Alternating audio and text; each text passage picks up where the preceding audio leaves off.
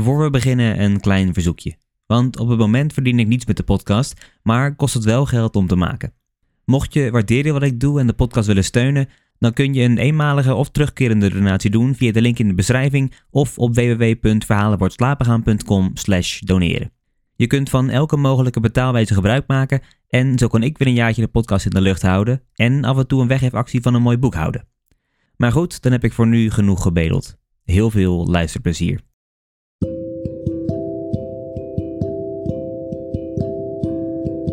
Hallo allemaal en welkom. Mijn naam is Mike en in deze aflevering lees ik het zesde hoofdstuk voor van Milton Max Havelaar. Dit is Verhalen voor het slapen gaan.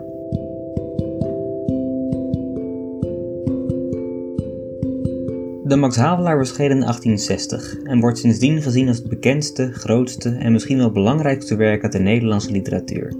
In het boek staat de bevrijding van de Javaan centraal en de meeste van jullie zullen de naam Max Havelaar vooral kennen van het handelsmerk. Mocht je meer willen weten over de geschiedenis en de context van de Max Havelaar, dan verwijs ik je graag naar de tweede aflevering van deze podcast, waarin ik het werk introduceer.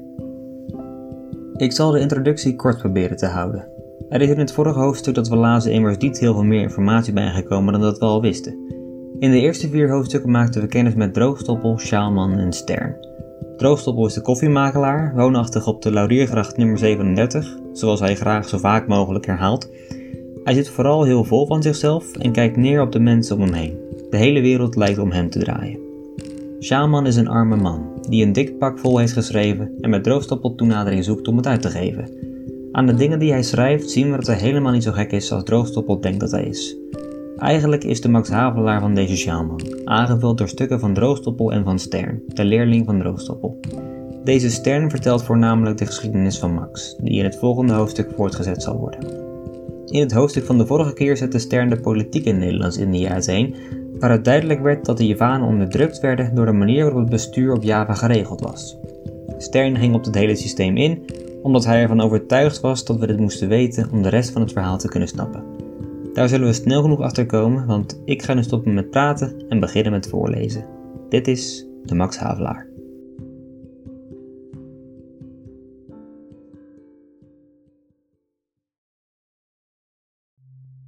Zesde hoofdstuk.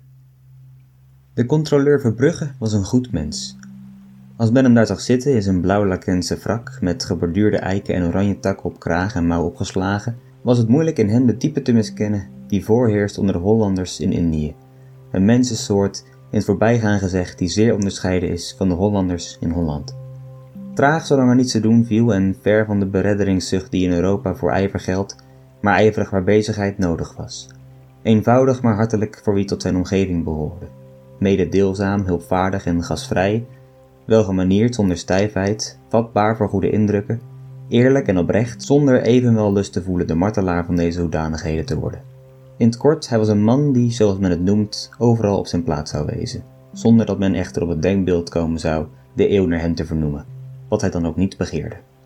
Hij zat in het midden van de pendoppo, bij de tafel die met een wit kleed bedekt en met spijzen beladen was. Wel enigszins ongeduldig vroeg hij van tijd tot tijd met de woorden der vrouw van Blauwbaard aan de mandooropasser, dat is het hoofd van de politie- en bureaudienaren der assistent-residentie, of er niets in aantocht was. Dan stond hij eens op, beproefde vergeefs zijn sporen te doen kletteren op de gestampte kleiper van de Bendoppo, stak voor de twintigste maal zijn sigaar aan en ging als teleurgesteld weer zitten. Hij sprak weinig. En toch had hij kunnen spreken, want hij was niet alleen. Ik bedoel hiermee nu juist niet dat hij vergezeld was van de 20 of 30 Javanen, bedienden, mantries en oppassers die op de grond gehurkt in en buiten de pendoppo zaten, noch van de velen die aanhoudend uit en inliepen, noch van het groot aantal inlanders van de verschillende rang dat daar buiten de paarden vasthield of te paard rondreed. Nee, de regent zelf van de bak, Radhen Adipati Kartanathanagara, zat tegenover hem. Wachten is altijd vervelend. Een kwartier duurt een uur, een uur een halve dag, enzovoort. Verbrugge had wel wat spraakzamer mogen zijn. De regent van Lebak was een beschaafd oud man die over veel wist te spreken met verstand en oordeel. Men had hem slechts aan te zien hem overtuigd te wezen dat het merendeel der Europeanen die met hem in aanraking kwam meer van hem dan hij van hen te leren had. Zijn levendige donkere ogen weerspraken door hun vuur de vermoeidheid der trekken van zijn gelaat en de grijsheid zijner haren. Wat hij zeide was gewoonlijk lang overdacht, een eigenaardigheid trouwens die bij de beschaafde Oosterling algemeen is en wanneer met hem in gesprek was, gevoelde men dat men zijn woorden te beschouwen had als brieven, waarvan hij de minuut in zijn archief had, om zo nodig daarop te verwijzen. Dit nu mogen onaangenaam schijnen voor wie niet gewoon is aan de omgang met Javaanse grote. Het is niet moeilijk alle onderwerpen van gesprek die aanstoot geven kunnen te vermijden. Vooral daar zij van hun kant nooit op bruske wijze aan de loop van het onderhoud een andere richting geven zullen, omdat dit naar Oosterse begrippen in strijd wezen zou met de goede toon. Wie dus oorzaak heeft het aanroeren van een bepaald punt te vermijden, behoeft slechts over de onbeduidende zaken te spreken, en hij kan verzekerd zijn dat een Javaans hoofd hem niet, door een onbegeerde wending in het gesprek, zal voeren op een terrein dat hij liever niet betrad. Over de beste wijze van omgang met die hoofden bestaan overigens verschillende meningen. Het komt mij voor dat eenvoudige oprechtheid, zonder strevende diplomatische voorzichtigheid, de voorkeur verdient. Hoe dit zij, Verbrugge begon met een banale opmerking over het weer en de regen. Ja, mijn heer de controleur, het is westmoesson. Dit nu wist Verbrugge wel. Men was in januari. Maar wat hij over de regen gezegd had, wist de regent ook. Hierop volgde weder enig zwijgen. De regent wenkte met een nauw zichtbare beweging van het hoofd een der bedienden die neergehurkt zaten aan de ingang der Pendoppo. Een kleine jongen, allerliefst gevat in een blauw fluwelen buis, witte pantalon met gouden lijfband die zijn kostbare sarong vasthield om de lende en op het hoofd de behagelijke kain kapala, waaronder zijn zwarte ogen zo ondeugend tevoorschijn kwamen, kroop hurkende tot aan de voeten des regents, zette de gouden doos neder die de tabak, de kalk, de serie, de pinang en de gambier bevatte, maakte de slammat door beide handen samengevoegd op te heffen tot aan het diep neergebogen hoofd en bood daarop zijn heer de kostbare doos aan. De weg zal moeilijk zijn na zoveel regen, zei de regent, als om het lang wachten verklaarbaar te maken, terwijl hij een betelbad met kalk bestreek. In Pandeklangs is de weg zo slecht niet, antwoordde Verbrugge die, als hij tenminste niet stuitend wilde aanroeren, dit antwoord wel wat ondoordacht gaf. Want hij had moeten bedenken dat een regent aan Lebak niet gaarne de wegen van Pandeklang hoort roemen, al zijn die dan ook werkelijk beter dan in het Lebakse. De Adipati beging de fout van een te snel antwoord niet. De kleine maat was reeds al hurkend achterwaarts teruggekropen tot aan de ingang der Pendoppo, waaronder zijn makkers plaats nam. De regent had reeds zijn lippen en weinige tanden bruinrood geverfd met het speeksel zijner Siri, voor hij zeide: Ja, er is veel volk in Pandeklang. Voor wie de regent en de controleur kende, voor wie de toestand van Lebak geen geheim was, had het duidelijk kunnen blijken dat het gesprek reeds een strijd was geworden. Een toespeling namelijk op de betere staat der wegen in een naburige afdeling scheen het vervolg te wezen op een vergeefse poging om ook in Lebak dusdanige betere wegen te doen aanleggen, of de bestaande beter te onderhouden. Doch hierin had de regent gelijk, dat Pandeklang dichter bevolkt was, vooral in verhouding tot de veel kleinere oppervlakte, en dat dus daar de arbeid aan de grote wegen door vereende klachten lichter viel dan in het Lebakse, een afdeling die op honderden palen oppervlakte slechts 70.000 inwoners telde. Dat is waar, zei Verbrugge, we hebben weinig volk hier, maar de Adipati zag hem aan, als wachtte hij een aanval af. Hij wist dat er na dat maar iets volgen kon dat onaangenaam zou te horen zijn voor hem, die sedert dertig jaren regent van Lebak was geweest. Het scheen dat Verbrugge op dit ogenblik geen lust had de strijd voor te zetten. Althans, hij brak het gesprek af en vroeg weder aan de mandooropasser of hij niets komen zag. Ik zie nog niets van de kant van Pandanglang, meneer de controleur, maar daar ginds aan de andere zijde rijdt iemand te paard. Het is de Toean commandaan. Wel zeker, doen zo, zei Verbrugge, naar buiten starende. Dat is de commandant. Hij jaagt in deze buurt en is vanmorgen vroeg reeds uitgegaan. Hé, hey, de Clari. De Clari. Hij hoort het wel, meneer, hij komt hierheen. Zijn jongen rijdt achter hem, met een kidang achter zich over het paard. Pegang Kudanya Tuwan commandaan, gebood Verbrugge aan een der bedienden die buiten zaten. Bonjour, de Clari. Ben je nat? Wat heb je geschoten? Kom binnen. Een krachtig man van 30-jarige leeftijd, een flinke militaire houding, hoewel van uniform geen spoor was, trapte Bendoppo binnen. Het was de eerste luitenant Duclari, commandant van het kleine garnizoen Terangas Petun. Verbrugge en hij waren bevriend en hun gemeenzaamheid was te groter, daar Duclari sedert enige tijd de woning van Verbrugge betrokken had in afwachting der voltooiing van een nieuw fort. Hij drukte deze de hand, groette de regent beleefd en ging zitten onder de vraag: Wel, wat heb je al zo hier? Wil je thee, Duclari? Wel, nee, ik ben warm genoeg. Heb je geen klapperwater? Dat is frisser. Dat laat ik je niet geven. Als men warm is, houdt ik klapperwater voor heel nadelig. Je wordt er stijf en jichtig van. Zie eens de koelies die zware vrachten over de bergen dragen. Zij houden zich vlug en lenig door heet water te drinken, of koppie dahoen, maar gemberthee is nog beter. Wat? Kopje dahoen? Thee van koffiebladen? Dat heb ik nog nooit gezien. Omdat je niet op Sumatra gediend hebt. Daar is het de gewoonte. Laat me dan maar thee geven. Maar niet van koffiebladen. En ook niet van gember. Ja, je bent op Sumatra geweest en de nieuwe assistent-resident ook, nietwaar? Dit gesprek werd in het Hollands gevoerd, een taal die de regent niet verstond. Het zij Duclari gevoelde dat er iets onbeleefd in lag, hem hierdoor van het onderhoud uit te sluiten. Het zij die hiermee een andere bedoeling had. Op eenmaal ging hij, zich tot de regent wendende, in het Maleis voort. Weet meneer de Adipati dat meneer de controleur de nieuwe assistent-resident kent? Wel nee, dat heb ik niet gezegd. Ik heb hem nooit gezien. Hij diende enige jaren voor mij op Sumatra. Ik heb je maar gezegd dat ik daar veel over heb horen spreken, anders niet. Nu, dit komt op hetzelfde neer. Men behoeft iemand juist niet te zien om hem te kennen. Hoe denkt meneer de Adipati daarover? De Adipati had juist nodig een bediende te roepen. Er verliep dus wat tijd voor hij zeggen kon dat hij met de heer commandant instemde, maar dat het toch dikwijls nodig was iemand te zien voor men hem beoordelen kon. Over het geheel genomen is het misschien waar, ging nu Duclari in het Hollands voort. Het zij omdat deze taal gemeenzamer was en hij meende genoeg gedaan te hebben voor de beleefdheid, het zij omdat hij alleen door Verbrugge verstaan wilde worden. Dit mogen in het algemeen waar zijn, maar omtrent Havelaar heeft men waarachtig geen persoonlijke kennismaking nodig. Hij is een gek. Dat heb ik niet gezegd, Duclari. Nee, jij hebt het niet gezegd, maar ik zeg het na al wat je mij van hem verteld hebt. Ik noem iemand die in het water springt om een hond te redden van de haaien. Een gek. Nu ja, verstandig is het zeker niet, maar. En hoor eens, dat versje tegen de generaal van Damme, het kwam niet te pas. Het was geestig, tot je dienst, maar een jong mens mag niet geestig zijn tegen een generaal. Je moet in het oog houden dat hij nog zeer jong was, dus 14 jaar geleden. Hij was toen maar 22 jaar oud. En de kalkoen die hij stal, dat deed hij om de generaal te plagen. Juist, een jong mens mag geen generaal plagen, die bovendien als civiel gouverneur zijn chef was. Dat andere versje vind ik aardig, maar dat eeuwige duelleren. En deed het gewoonlijk voor een ander. Hij trok altijd partij voor de zwakste. Wel, laat ieder voor zichzelf duelleren, als men het dan volstrekt doen wil. Ik, voor mij, geloof dat een duel zelden nodig is. Waar het onvermijdelijk was, zou ik ook een uitdaging aannemen en in zekere gevallen zelf uitdagen. Maar om daarvan dagelijks werk te maken, dank je. Het is te hopen dat hij veranderd is op dit punt. Wel zeker, daar is geen twijfel aan. Hij is nu zoveel ouder. Daarbij is het lange tijd getrouwd en assistent-resident. Bovendien, ik heb altijd gehoord dat zijn hart goed was en dat hij een warm gevoel had voor recht. Nu, dat zal hem te pas komen in de bak. Daar is me juist iets voorgekomen dat. Zou de regent ons verstaan? Ik geloof het niet. Maar toon maar iets uit je wijtas, dan denkt hij dat we daarover spreken.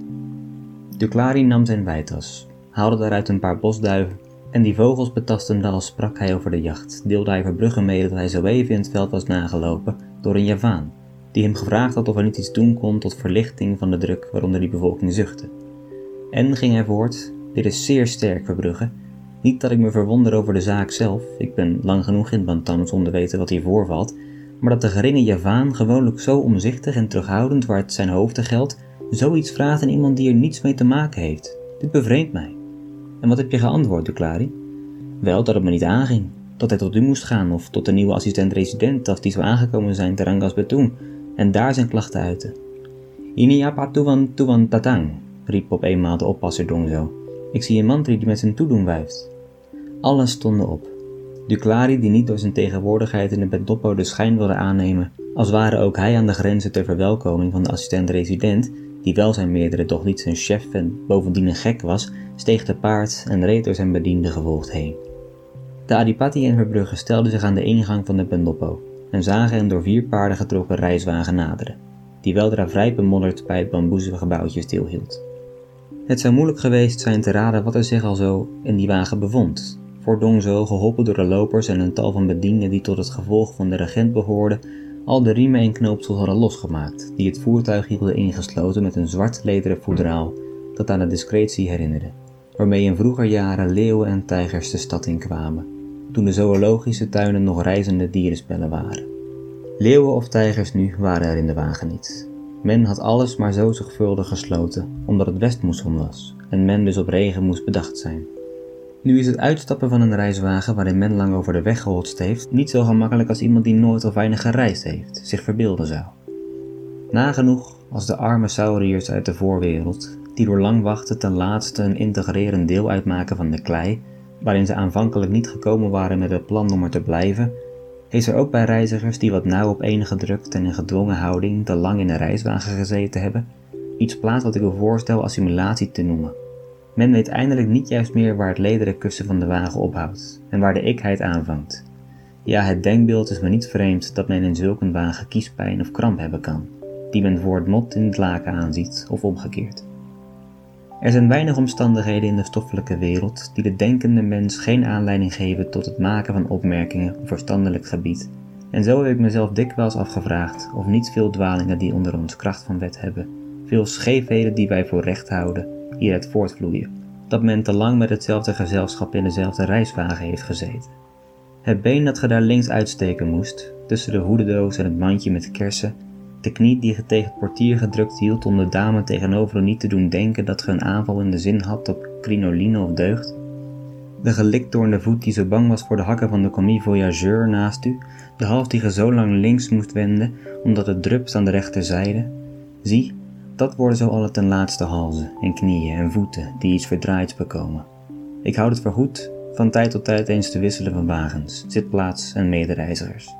Men kan dan zijn hals eens anders wenden men beweegt nu en dan zijn knie en misschien zit er eens een juffrouw naast ons met dansschoenen. Of een jongetje wiens beentjes de grond niet raken. Men heeft dan meer kans om recht te zien en recht te lopen, zodra men weer vaste grond onder de voeten krijgt. Of er ook in de wagen die nu voor de Pendoppo stilhield zich iets verzette tegen de oplossing der continuïteit, weet ik niet. Maar zeker is dat het lang duurde voor er iets tevoorschijn kwam. Er scheen een strijd van hoffelijkheid gevoerd te worden. Men vernam de woorden: Als het u mevrouw en resident. Hoe dit zij, eindelijk stapte er een heer uit, die in houding en voorkomen wel iets vertoonde dat denken deed aan de sauriërs waarvan ik zo even gesproken heb.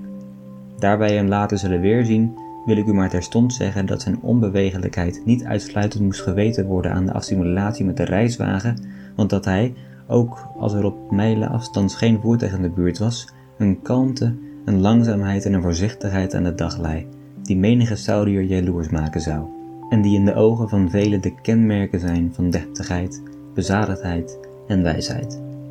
Hij was, zoals de meeste Europeanen in Indië, zeer bleek, hetgeen echter in die streken geen zins voor een blijk van minder goede gezondheid wordt gehouden, en hij had fijne trekken die wel getuigden van verstandelijke ontwikkeling. Alleen was er iets kouds in zijn blik, iets wat u denken deed aan een logaritmetafel, en hoewel zijn voorkomen over het geheel niet onbehagelijk of terugstotend was, kon men zich toch niet onthouden van de verdenking dat zijn vrij grote magere neus zich op het gelaat verveelde, omdat er zo weinig op voorviel. Met beleefdheid bood hij zijn hand aan een dame, om er bij het uitstijgen behulpzaam te zijn. En nadat deze van een heer die nog in de wagen zat een kind had aangenomen, een klein blond jongetje van een jaar of drie, traden zij de pendelpauw in. Daarop volgde die heer zelf, en wie op Java bekend was, zou het als een bijzonderheid in het oog gevallen zijn dat hij bij het kwartier wachtte om het uitstijgen gemakkelijk te maken aan een oude Javaanse baboe. Een drietal bedienden hadden zichzelf verlost uit het wasleren kastje, dat achter de wagen was vastgeplakt als een jonge oester op de rug van zijn mama. De heer die het eerst was uitgestegen, had de regent en de controleur Verbrugge de hand geboden, die zij met eerbied aannamen, en in hun gehele houding was te bespeuren dat zij gevoelden zich in de tegenwoordigheid te vinden van een gewichtig persoon. Het was de resident van Bantam, de grote landstreek waarvan de Bak een afdeling, een regentschap of, zoals men officieel zegt, en assistent-residentie is. Bij het lezen van de verdichte verhalen heb ik mij meermalen geërgerd over de weinige eerbied der schrijvers voor de smaak van het publiek. En vooral was dit het geval waar zij blijk gaven aan iets te willen voortbrengen dat koddig of burlesque heten moest, om nu niet van humor te spreken. Een eigenaardigheid die bijna doorgaande allerjammerlijkst wordt verward met het komieke. Men voert een persoon sprekende in, die de taal niet verstaat of slecht uitspreekt, men laat een Fransman zeggen cacao naar de grote kak of kwietje kooit geen kare groente kraakwek. Bij gebrek aan een Fransman neemt men iemand die stamelt of men schept een persoon die zijn stokpaardje maakt van een paar telkens wederkerende woorden. Ik heb een allerzotste vaudeville zien realiseren, omdat daar iemand voorkwam die gedurig zeide, mijn naam is Meijer. Mij komen zulke geestigheden wat goedkoop voor en om de waarheid te zeggen, ik ben boos op u als je zoiets grappig vindt. Maar nu heb ik zelf iets dergelijks voor te stellen. Ik moet van tijd tot tijd iemand ten tonele voeren, ik zal het zo weinig mogelijk doen, die inderdaad een manier van spreken had welke me doet vrezen verdacht te worden van een mislukte poging om u te doen lachen. En hierom moet ik u uitdrukkelijk verzekeren dat het niet mijn schuld is als de hoogsteftige resident van Bantam, van wie hier de rede is, iets zo eigenaardigs vertoonde in zijn wijze van spreken, dat het me moeilijk valt dat weer te geven, zonder de schijn op me te laten dat ik effect van geestigheid zoek in een tik. Hij sprak namelijk op een toon alsof achter elk woord een punt stond, of zelfs een lang rustteken, en ik kan de ruimte tussen zijn woorden niet beter vergelijken dan bij de stilte die volgt op het amen na een lang gebed in de kerk, hetwelk zoals ieder weet een sein is dat men de tijd heeft tot verzitten, hoesten of neussnuiten. Wat hij zeide was gewoonlijk goed overdacht, en wanneer hij zich de ontijdige rustpunten had kunnen afwennen, zouden zijn zinsneden uit een redekunstig oogpunt, althans, meestal een gezond aanzien gehad hebben. Maar al dat afbrokkelen, dat stoterige en hobbelige, maakte het aanhoren lastig. Men viel er dan ook dikwijls over, want gewoonlijk als men begonnen was te antwoorden in de goede mening dat de zin uit was en dat hij de aanvulling van het ontbrekende aan de scherpzinnigheid van zijn toehoorder overliet, kwamen er nog ontbrekende woorden als truinaars van een geslagen leger achteraan, en deden u gevoelen dat ge hem in de reden waart gevallen, wat altijd onaangenaam is. Het publiek der hoofdplaats Serang, voor zover men niet in dienst stond van het gouvernement, een verhouding die de meest iets omzichtigs geeft, noemde zijn gesprekken slijmerig. Ik vind dit woord niet zeer smaakvol, doch moet erkennen dat het de hoofdeigenschap is van des residents welsprekendheid vrij juist uitdrukte. Ik heb van Max Havelaar en zijn vrouw, want dit waren de beide personen die na de resident met een kind en de baboe uit de wagen gekomen waren, nog niets gezegd.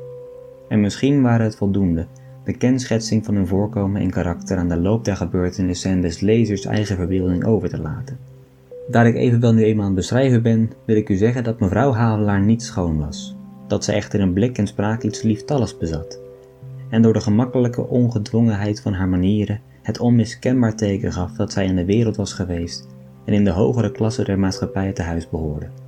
Zij had niet dat stijve en onbehagelijke van burgerlijke fatsoen dat, om voor gedistingeerd door te gaan, zich een andere meent te moeten plagen met gêne, en ze hechte dan ook niet veel aan veel uiterlijks, wat voor sommige andere vrouwen waarde schijnt te hebben. Ook in haar kleding was zij een voorbeeld van eenvoudigheid. Een wit baju van mousseline met blauwe cordelière ik geloof dat men in Europa zulk een kledingstuk peignoir noemen, was haar reiskleed. Om de hals had zij een dun zijden koordje, waaraan de kleine medaillons, die ge echter niet te zien kreeg, daar ze verscholen waren in de plooien voor haar borst. Overigens, de haren à la chinois en een kransje melati in de konde, zie daar al haar toilet. Ik zeide dat ze niet schoon was, en toch wilde ik niet gaarne dat ge haar voor het tegendeel hield. Ik hoop dat ge haar schoon vinden zult, zodra ik gelegenheid zal hebben haar voor te stellen gloeiend van verontwaardiging over wat zij de miskenning van het genie noemde, als haar aangeboden max in spel was, of wanneer haar een denkbeeld bezielde dat in verband stond met het welzijn van haar kind. Te dikwijls reeds is er gezegd dat het gelaat de spiegel der ziel is, om nog prijs te stellen op de portretwaarde van een onbewegelijk gezicht, dat niets heeft af te spiegelen, omdat er geen ziel in weerschijnt.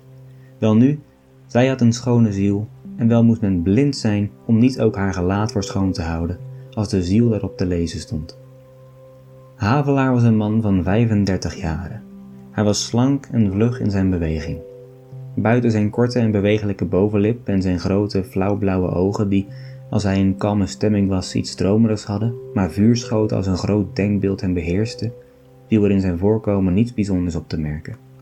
Zijn blonde haren hingen sluik langs de slapen, en ik begrijp zeer goed dat weinigen hem voor het eerst ziende op het denkbeeld komen zouden iemand voor zich te hebben die wat hoofd en hart beide aangaat tot de zeldzaamheden behoorde.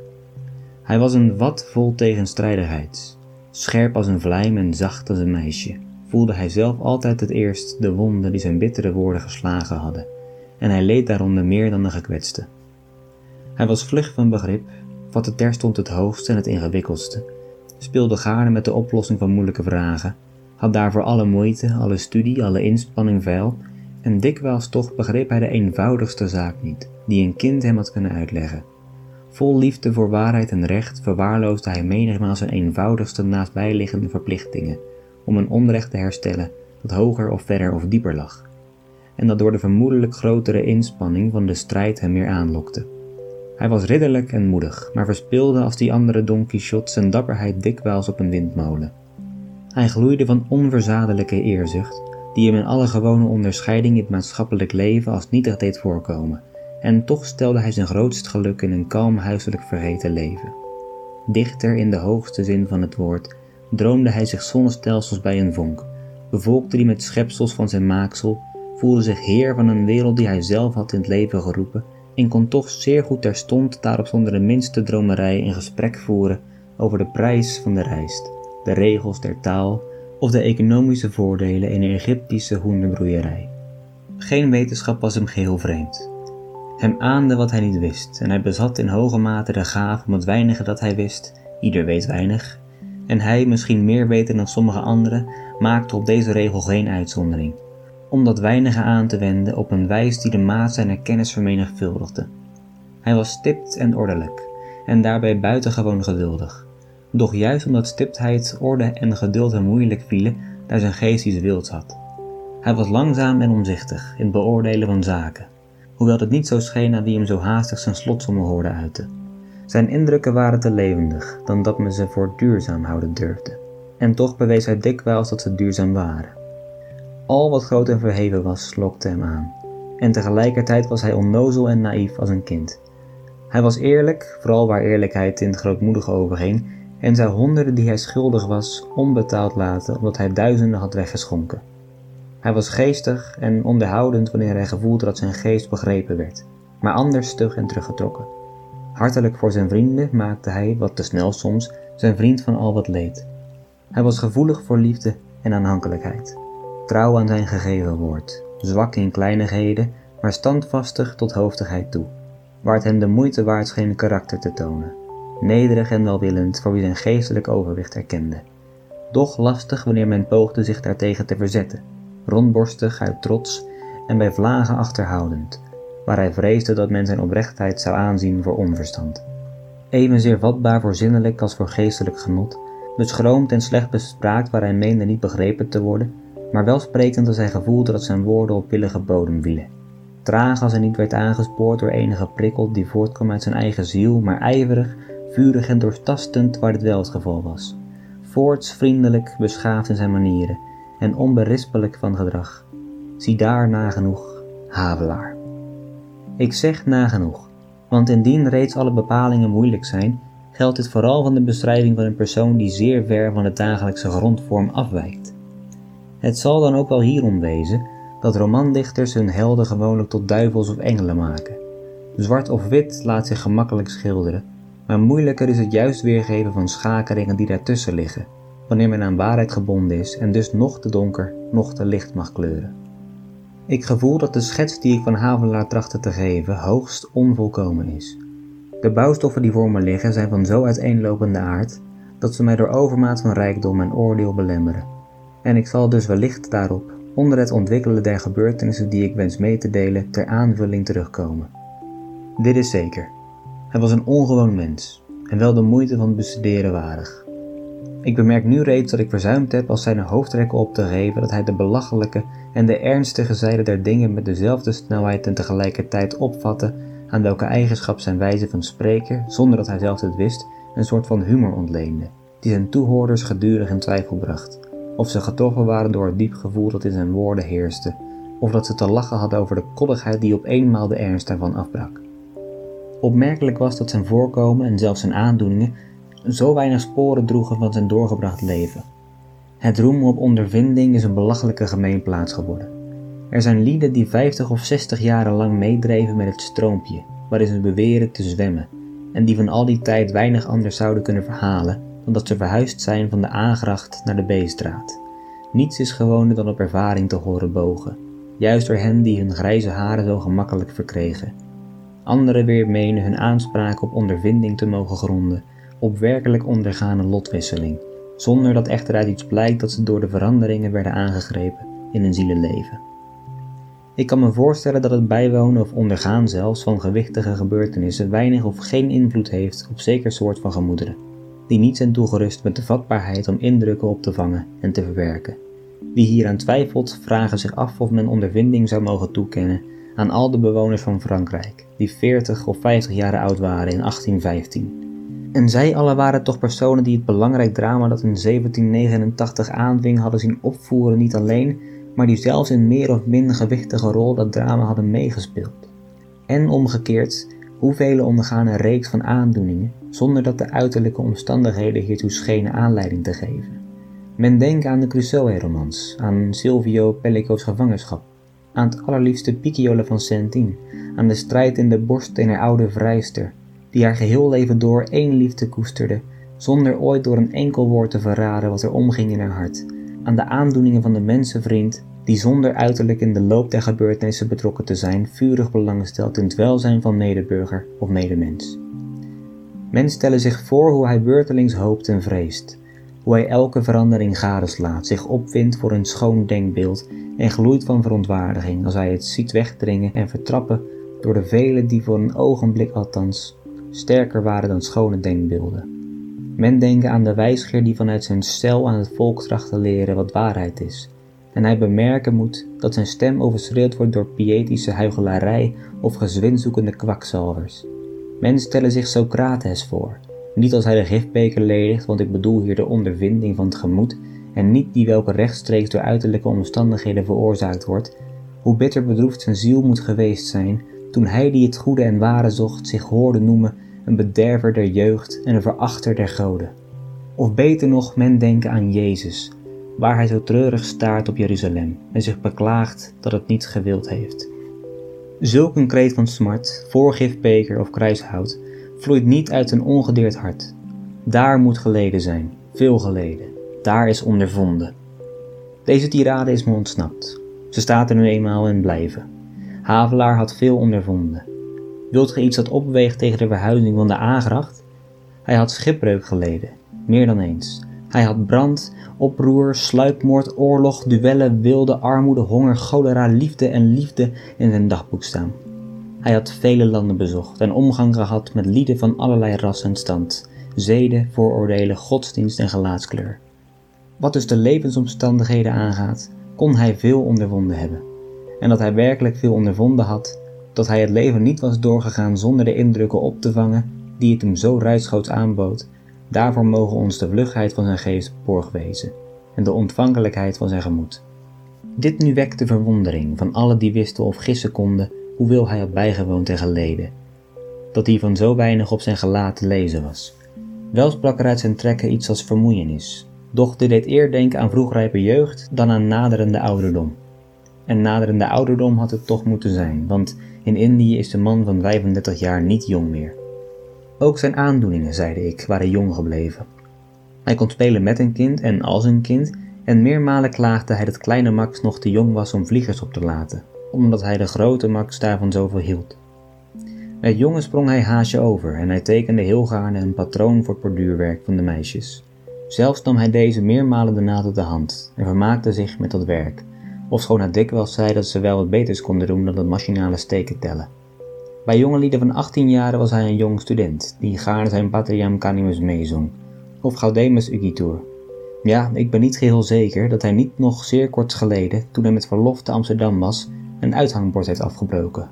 Dat hem niet behaagd omdat er een neger op geschilderd was, geboeid aan de voeten van een Europeaan met een lange pijp in de mond.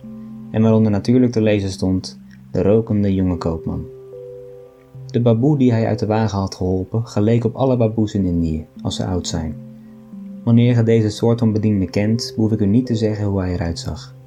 En als gij ze niet kent, kan ik het u niet zeggen. Dit alleen onderscheidde haar van andere kindermeiden in Indië, dat ze zeer weinig te doen had. Want mevrouw Havelaar was een voorbeeld van zorg voor haar kind. En wat er voor of met de kleine Max te doen viel, deed zij zelf, tot grote verwondering van veel andere dames, die niet goedkeurden dat men zich maakte tot slavin van zijn kinderen.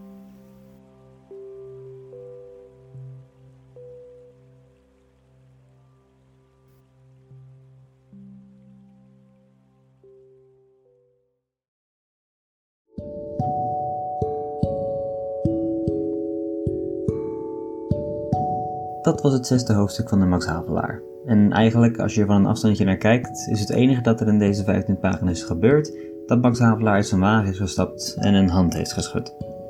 We zitten nu ongeveer 75 pagina's in de roman, maar eigenlijk zijn we nog steeds bezig met de opzet. Er gebeurt weinig en we maken vooral kennis met personages. Hoewel we er al enkele kenden, zijn er in dit hoofdstuk vijf bijgekomen. Verbrugge, Duclari, de regent, de vrouw van Max en Max Havelaar zelf. In mijn opzicht is het gesprek tussen Duclari en Verbrugge over Max en daaropvolgende introductie in de beschrijving van Max het meest interessant. Door Duclari en Verbrugge met elkaar te laten praten over Max doet Multatuli twee dingen. Ten eerste maken we kennis met de karakters van Duclari en Verbrugge. We zien wie ze zijn, hoe ze praten en wat hun meningen zijn over een bijzondere man. Ten tweede wordt er door het gesprek een bepaald beeld van Max in ons hoofd geprent. Dat van een man die honden redt van haaien, een grappig versje maakt over een generaal en duelleert in de naam van de zwakkere persoon. Dit zegt veel over Max, maar op de manier waarop er over deze acties wordt gepraat, zegt het ook veel over Duclari en Verbrugge. Duclari wijst Max zijn gedrag af en lijkt dus vooral een man met vooroordelen te zijn, wat misschien meer doet denken aan droogstoppel. Verbrugge heeft er echter wel begrip voor en vindt hem geestig, wat er in ieder geval bij mij voor zorgt dat ik Verbrugge ook een stuk meer mag. Vervolgens komt de daadwerkelijke introductie van Max Havelaar.